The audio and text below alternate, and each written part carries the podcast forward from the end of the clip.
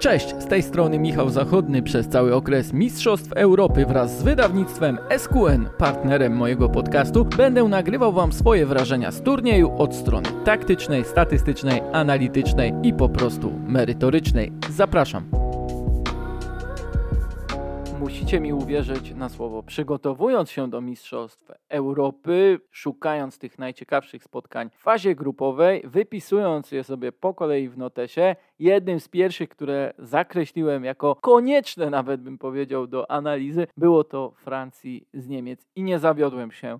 E, zobaczyliśmy w Monachium, jak to ujął bardzo trafnie Didier Deschamps, walkę tytanów. Miałem wrażenie, że ta intensywność była na naprawdę najwyższym e, poziomie, na wyższym niż w innych meczach, chociaż też mieliśmy już w tej pierwszej kolejce mistrzostw kilka zespołowych występów na wysokim e, poziomie. Natomiast tutaj i jedna i druga drużyna jakby chciała coś przeciwnikowi udowodnić i faktycznie patrząc na to z jakiegoś szerszego kontekstu e, jednej i drugiej drużyny możemy stwierdzić, że rywalizowali mistrzowie świata, też potencjalnie reprezentacja Francji ma e, takie możliwości, by otworzyć i tym triumfem w Rosji, i tym triumfem E, w obecnie trwających Mistrzostwach Europy kolejną epokę sukcesów, bo nie tylko mają zespół, który wciąż się rozwija, piłkarzy w idealnym wieku, ale też kapitalne zaplecze, e, jeśli chodzi o młodych e, piłkarzy i każdy, kto gdzieś starał się sobie rozpisać możliwości, jakie ma Deschamps, no to myślę, że na każdej pozycji potrafiłby wypisać przynajmniej po dwóch klasowych e, zawodników. Z kolei Niemcy oczywiście są na zupełnie innym etapie. Mistrzowie świata z 2014 roku e, raczej kończą proces e, współpracy z Joachimem Lewem i jego pomysłem na to, jak ta reprezentacja miałaby wyglądać. Też z powitaniem na nowo Tomasa Millera, ale też z zawodnikami, którzy już powoli będą raczej z tej reprezentacji ustępować miejsca młodszym i tym, których będzie widział choćby właśnie Hansi Flick przejmujący drużynę e, po tym euro. W całym spotkaniu, zastanawiając się o tym, jak mógłbym je dla Was przeanalizować, najbardziej moją uwagę przykuł Paul Pogba. Nie chodzi tylko o to kluczowe podanie przy bramce, ale wszystko, co robił i to, jakie odcisnął piętno na zwycięstwie Francji. Pomyślałem, że najlepiej będzie zrobić analizę niemal minuta po minucie z jego akcji, z kilkoma dygresjami o tym, jak wygląda jego rola w reprezentacji Francji, także w połączeniu z tym, jak go oglądamy w Manchesterze United. Zacząłbym jednak od tego, że w pierwszych minutach, w pierwszym kwadransie wcale tak często nie widzieliśmy go przy piłce. Miał w ósmej minucie takie fajne przepuszczenie piłki i wymianę jej e, z Karimem Benzemą. Później w 11 obrót z piłką, gdy był faulowany przy próbie wyprowadzenia ataku e, wyżej. Natomiast już wówczas można było zauważyć, jak często schodzi do prawej strony, do boku. Gra też prosty, efektywny futbol. Gra na jeden, dwa kontakty. Po zagraniu zawsze wykonuje ruch i to nie tylko na wolne pole, by zbiec i zabrać przeciwnika, ale często dla zmyłki wykonać dwa, trzy kroki i cofnąć się, tak tworząc sobie przestrzeń. W 19 minucie właśnie w przestrzeń zagrał między stoperami reprezentacji Niemiec Paul Pogba do Kyliana Mbappé, ale wówczas przy lewej stronie Francuzów i przy prawej stronie Niemców z bramki wyszedł Manuel Neuer interweniując i mam takie wrażenie, że wielu bramkarzy mając w głowie to, jak szybki jest Mbappé, nie wychodziłoby do tej piłki, nie podejmowałoby interwencji poza polem karnym. Działo się to jednak kilkadziesiąt sekund przed e, jedynym golem w spotkaniu, gdy najpierw już bliżej prawej strony, gdzie głównie operował Pogba, po wyrzucie z autu Pawarda właśnie do Pogby, ten utrzymuje się e, przy piłce z Gosensem i nadbiegającym Rydigerem na plecach, a potem rozgrywa krótko piłkę z Benzemą. To zagranie, które następuje,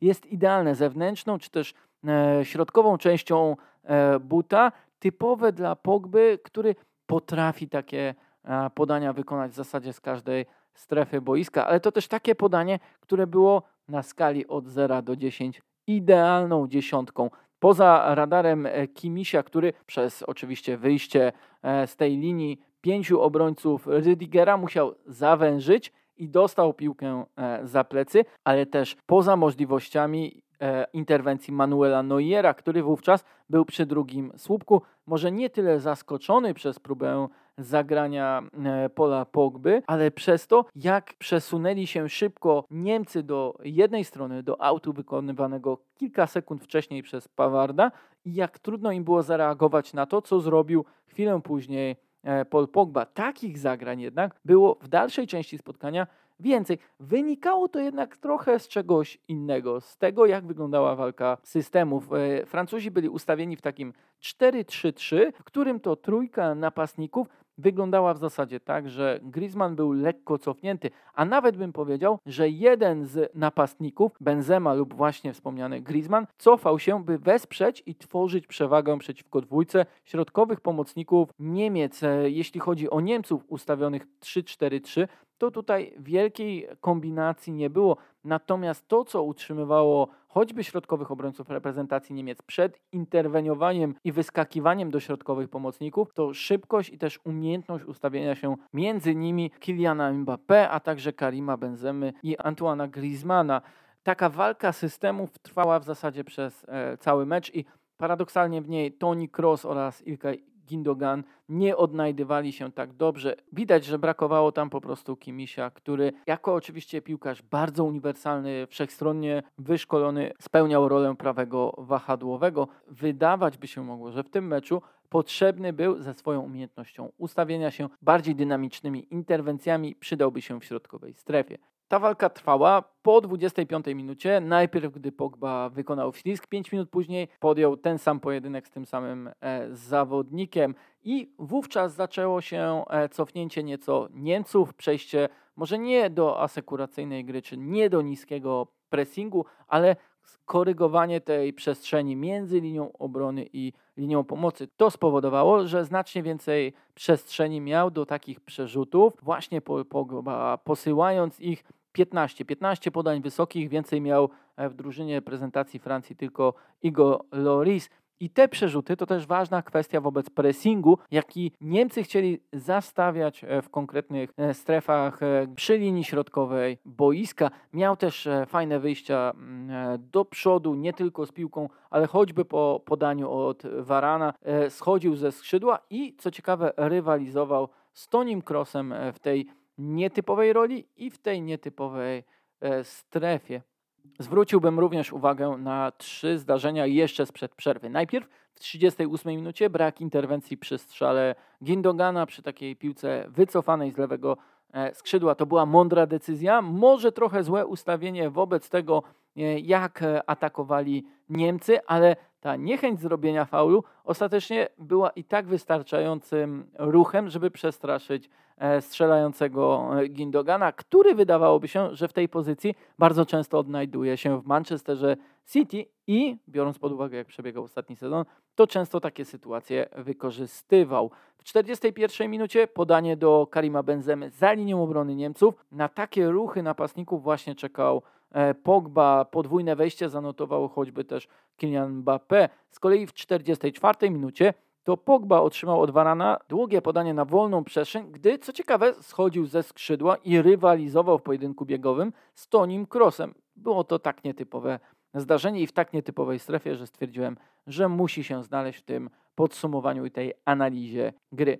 Druga połowa zaczęła się od ewidentnej korekty w reprezentacji Niemiec. Nie wiem, czy e, analitycy wskazali właśnie na to, ile mając swobody Pogba zagrywa prostopadłych podań, aczkolwiek grali znacznie bliżej e, niego. Już w pierwszych kilkudziesięciu sekundach musiał on driblingiem prowadzić dłużej piłkę i próbować swoimi technicznymi umiejętnościami wydostać się spod pressingu. W 49 minucie znów musiał obrócić się z piłką, E, mając na plecach Toniego Krosa, a potem zagrał kapitalnie do Karima Benzemy. Znów 51 minuta, wyjście spod pressingu, przebicie się przez kilku rywali.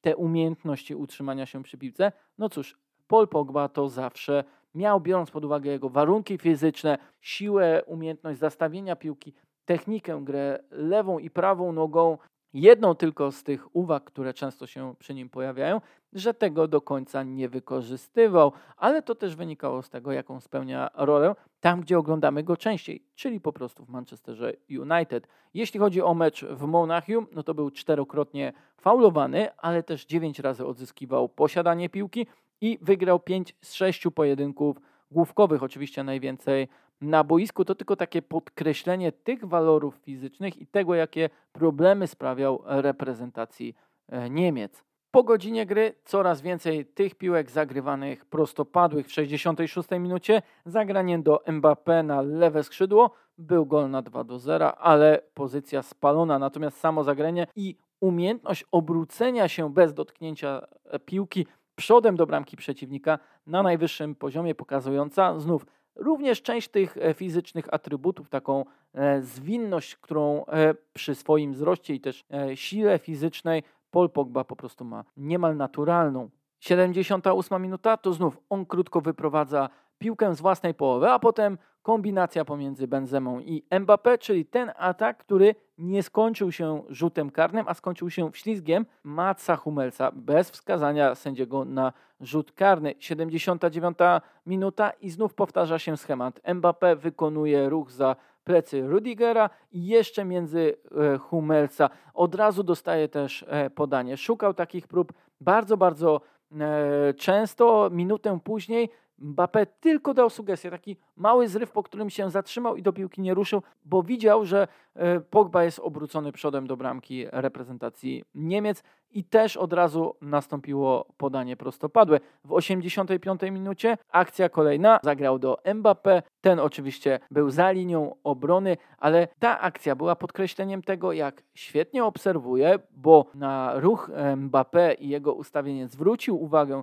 jeszcze przed tym, jak otrzymał piłkę, wszedł wolną przestrzeń w strefie między linią pomocy a linią obrony przeciwnika, widząc również zachowanie Benzemy.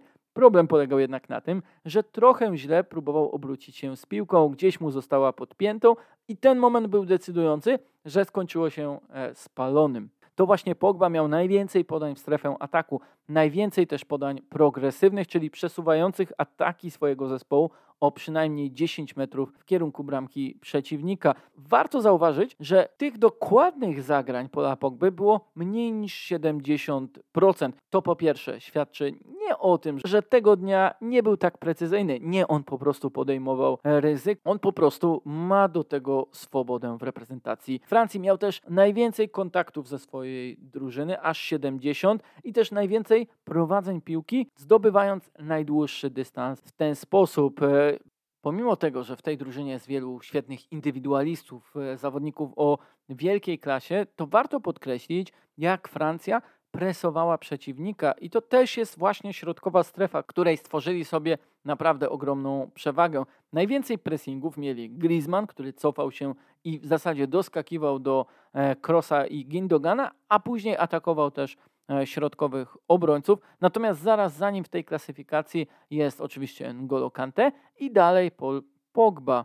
To wszystko, co można powiedzieć o reprezentacji Francji. Nieźle podsumował e, na pomeczowej konferencji Deschamps, który powiedział, że takim najważniejszym punktem analizy gry defensywnej jego zespołu jest znajomość e, każdego e, zawodników i tych relacji między nimi. Oni są po prostu bardzo dobrze zgrani. Deschamps powiedział takie bardzo fajne zdanie. Futbol polega na tym, by być efektywnym. Myślę, że na przestrzeni dekad. Bardziej by ono pasowało nawet do reprezentacji Niemiec. Tymczasem też ta Francja, która zdobywała Mistrzostwo Świata w 1998 i 2000 roku triumfując e, w Mistrzostwach Europy, miała w sobie więcej nawet bym powiedział efektywności, ale też takie umiejętności gry e, na przyspieszeniu, na wolne przestrzenie, e, prowadząc piłkę, wykorzystując też taki trochę futbol siłowy, ale z dużą jakością E, techniczną.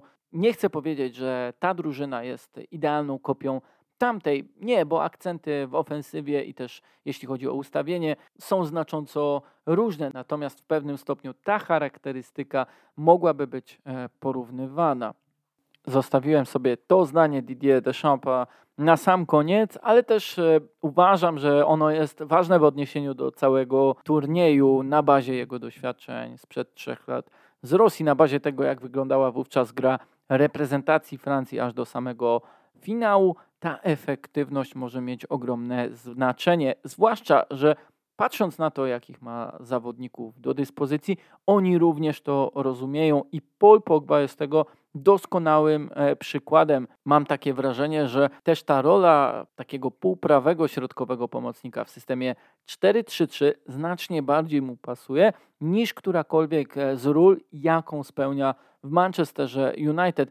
Ma to wiele wspólnego z tym, e, kogo ma wokół siebie, wiedząc, że ma więcej swobody, bo zasekuruje go czy Kante, czy jeszcze do tego e, Rabio, nie mając przed sobą też takiego zawodnika jak Bruno Fernandes, który bardzo często mm, okupuje te przestrzenie, w które z głębi pola mógłby czy podaniem, czy wejściem, driblingiem Pogba właśnie zaatakować. Pamiętajmy, że Ole Gunnar Solskjaer dosyć niechętnie zmienia systemy, a jeśli chodzi o grę w 4-2-3-1, to często grając z jednym defensywnym pomocnikiem, te proporcje w grze Pola Pogby są dosyć zaburzone. Co więcej, on też często nie grając tak wysoko, nie ma takich możliwości wpływania na mecze, bo po prostu częściej piłka ląduje u Bruno Fernandesza w tej trzeciej strefie, niż on sam może w niej operować, raczej zabezpieczając nawet ataki, asekurując lub wchodząc dopiero w drugie tempo do ataków. Oczywiście ta debata, jeśli chodzi o wykorzystanie pola Pogby jeszcze w Manchesterze United będzie trwała. Były też różne pomysły i też wiele jest zależne od samego zawodnika i tego, jak on się w tym wszystkim odnajduje. W reprezentacji Francji spełnia absolutnie kluczową. I tak jak e, kilka lat temu, gdy Francuzi zdobywali Mistrzostwo Świata, on był jednym z liderów szatni, tak już w pierwszym meczu z reprezentacją Niemiec pokazał, jakim liderem dla tej drużyny, dla jednego z faworytów Mistrzostw Europy jest w 2021 roku.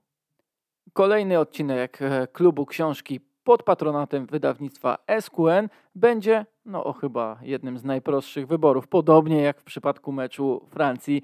Powiem o szóstym wydaniu magazynu e, Kopalnia, który przygotowuje Piotr Żelazny, zapraszając wielu świetnych e, dziennikarzy z Polski i zagranicy, z jakiegoś powodu dzwoniąc również e, do mnie.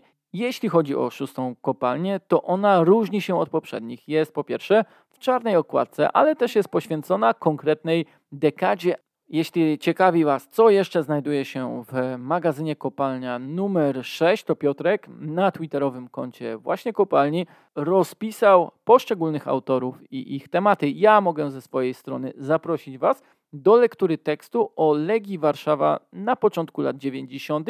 i jej przygodzie w Pucharze Zdobywców Pucharów. Wówczas ekipa Władysława Stachurskiego doszła aż do półfinału tych prestiżowych i niestety już e, nieistniejących rozgrywek. Były to, spojrzałem na Legię nie tylko ze względu na jej mecze z Sampdorią i z Manchesterem United i jeszcze z Aberdeen, analizując przyczyny zwycięstw, analizując sposób gry poszczególnych zawodników i wybór całego systemu Władysława Stachurskiego, ale też starałem się nadać kontekst właśnie do lat 90. i do tego, jak wyglądała pod względem taktycznym polska piłka. To właśnie wówczas tej transformacji, która odbywała się w Polsce, uciekł nam piłkarski świat pod względem myślenia o futbolu, pod względem wykorzystania nowinek taktycznych, pod względem tego, jak po prostu e, grano na całym świecie. I sami przeczytacie z lektury, że można to określić pod względem konkretnej pozycji na boisku. Pozycji, która już e, we współczesnym futbolu nie ma racji bytu. Kopalnię numer 6 serdecznie Wam polecam. Możecie ją oczywiście znaleźć e, na stronie tego wydawnictwa, jak i w internetowej księgarni La Botiga.